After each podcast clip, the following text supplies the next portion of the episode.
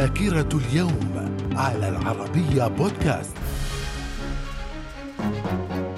أهلا بكم ومن ذاكرة اليوم الثاني والعشرين من أبريل في العام 1500 البحار البرتغالي بيدرو الفاريز كابرال يكتشف البرازيل عن طريق الصدفة ويضمها باسم مملكة البرتغال. في العام 1898 إصدار أول جريدة كردية موسومة باسم صحيفة كردستان في القاهرة فأصبح هذا اليوم يوم الصحافة الكردية. في العام 1900 وأحد عشر بدء صدور جريدة برافدا في مدينة سان بطرسبورغ الروسية. من الذاكرة. ومن ذاكرة اليوم الثاني والعشرين من أبريل في العام 1945 قوات الحلفاء تستولي على بولونيا في إيطاليا خلال الحرب العالمية الثانية. وفي العام 1948 عصابة هاجاناه الصهيونية تستولي على مدينة حيفا الفلسطينية بعد مذابح مروعة.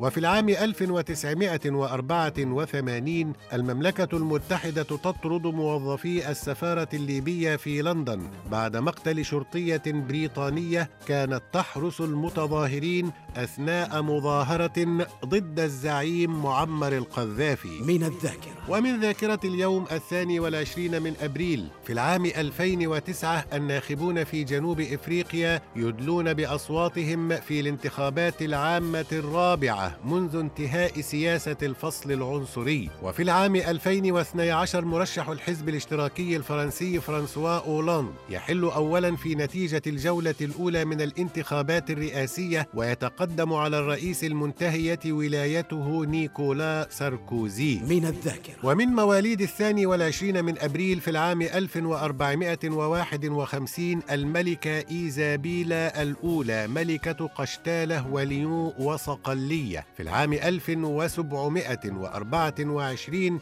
إيمانويل كانت الفيلسوف الألماني. في العام 1870 ولد فلاديمير لينين الزعيم السوفيتي. وفي العام 1962 ولدت رجاء بالمليح المغنية المغربية. من الذاكرة. ومن وفيات اليوم الثاني والعشرين من أبريل في العام 1994 ريتشارد نيكسون رئيس الولايات المتحدة السابع والثلاثون. من الذاكرة. إلى اللقاء.